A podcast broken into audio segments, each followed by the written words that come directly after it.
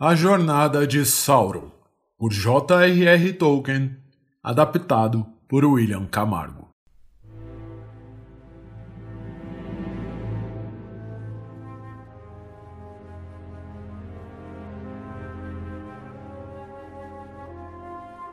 Sauron, desde o início dos tempos, antes dos deuses virem para a Terra-média, era um dos mais poderosos. Era aprendiz de Auri, um grande ferreiro e artífice. Durante a Primeira Era, após a derrota de Melkor, os deuses intimaram Sauron a comparecer a um julgamento. Mas, com medo, Sauron fugiu da presença dos deuses. Em pouco tempo, se tornou solitário e começou a maquinar sozinho sobre todo o mal que traria no futuro.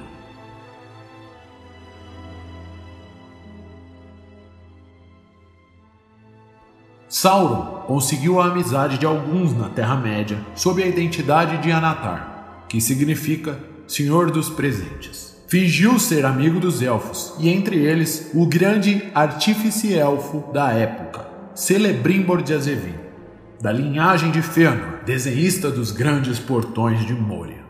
Sauron sugeriu a Celebrimbor a ideia de fazer belos anéis que tivessem como característica principal o poder de consertar os danos causados pelas disputas dos deuses na Terra-média, tornando-a tão bonita quanto Valinor, as terras imortais dos elfos. Celebrimbor aceitou a ideia e forjou, sem a ajuda de Sauron, três anéis: Narya, o Anel do Fogo, Nenia, o Anel da Água, e Vilya, o Anel do Ar. Secretamente, Sauron forjou mais anéis na Montanha da Perdição. E um deles, o anel mais forte e mais poderoso que qualquer outro. Este possuía um encantamento, lhe dava o poder de controlar todos os outros anéis e também aqueles que os usassem.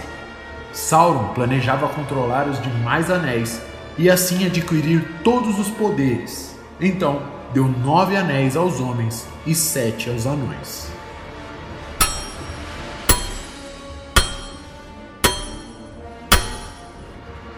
Após descobrir os planos de Sauron, Celebrimbor conseguiu esconder os três anéis por ele criados.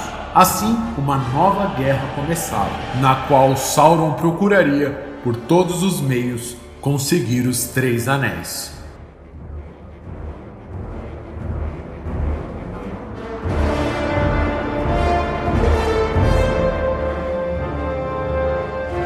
Nove anéis dados aos homens concebeu a Sauron poderosos servos e escravos de sua vontade, os espectros do anel, na língua negra, Nazgûl.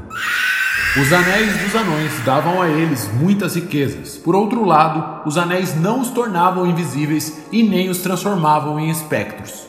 O único mal que os anéis traziam era a ganância e a ira. Os anões eram muito apegados às suas riquezas, acumulando mais e mais ouro atraindo dragões para suas montanhas.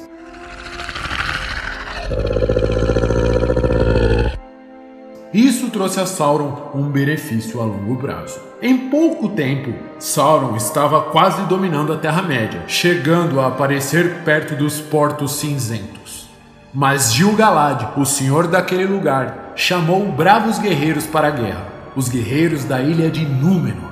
Estes eram espantosamente fortes e muito hábeis. Detendo longas espadas e arcos de aço, atravessaram a Terra-média para confrontar Sauron com um exército tão grande que muitos julgavam ser o exército dos deuses.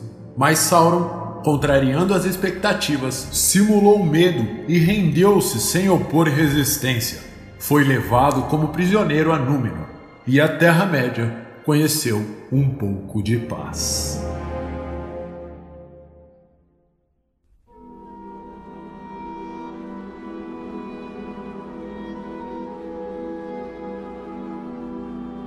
O tempo passou e Sauron envenenou a mente dos Númenóreanos, que começaram uma guerra contra os deuses. Eles queriam a imortalidade.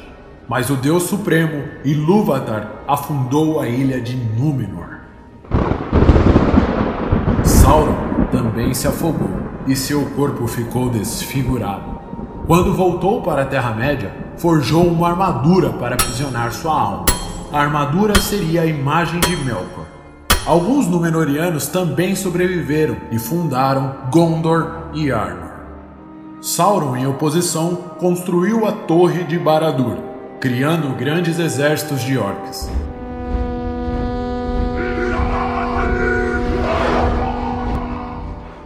Assim, muitas guerras foram travadas, matando homens e elfos. Quando os elfos já não suportavam mais, uniram-se aos homens e aos anões, formando a última aliança. Os exércitos unidos marcharam para Mordor para destruir Sauron de vez. Mas depois de sete anos sitiando a Torre de Sauron, o exército estava cansado e morrendo de fome naquela terra infértil. Então o próprio Sauron se apresentou e lutou contra Gil-galad e Elendil.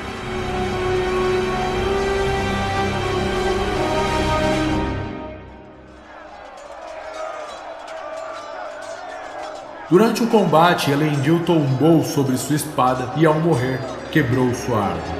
Nárcio. Gil-galad também morreu pelas mãos do Senhor do Escudo. E quando as esperanças estavam se esvaindo, Isildur pegou o que sobrou de Narsil e desferiu um golpe que arrancou os dedos do governante do Um Anel. Ele se enfraqueceu e fugiu para Dol Guldur por 400 anos ficou escondido. Isildur, como havia prometido, destruiu pedra por pedra de Baradur. Gondor construiu torres de vigia em Mordor, caso Sauron retornasse. Só 2500 anos depois, o anel foi encontrado por um pescador e seu primo, Sméagol.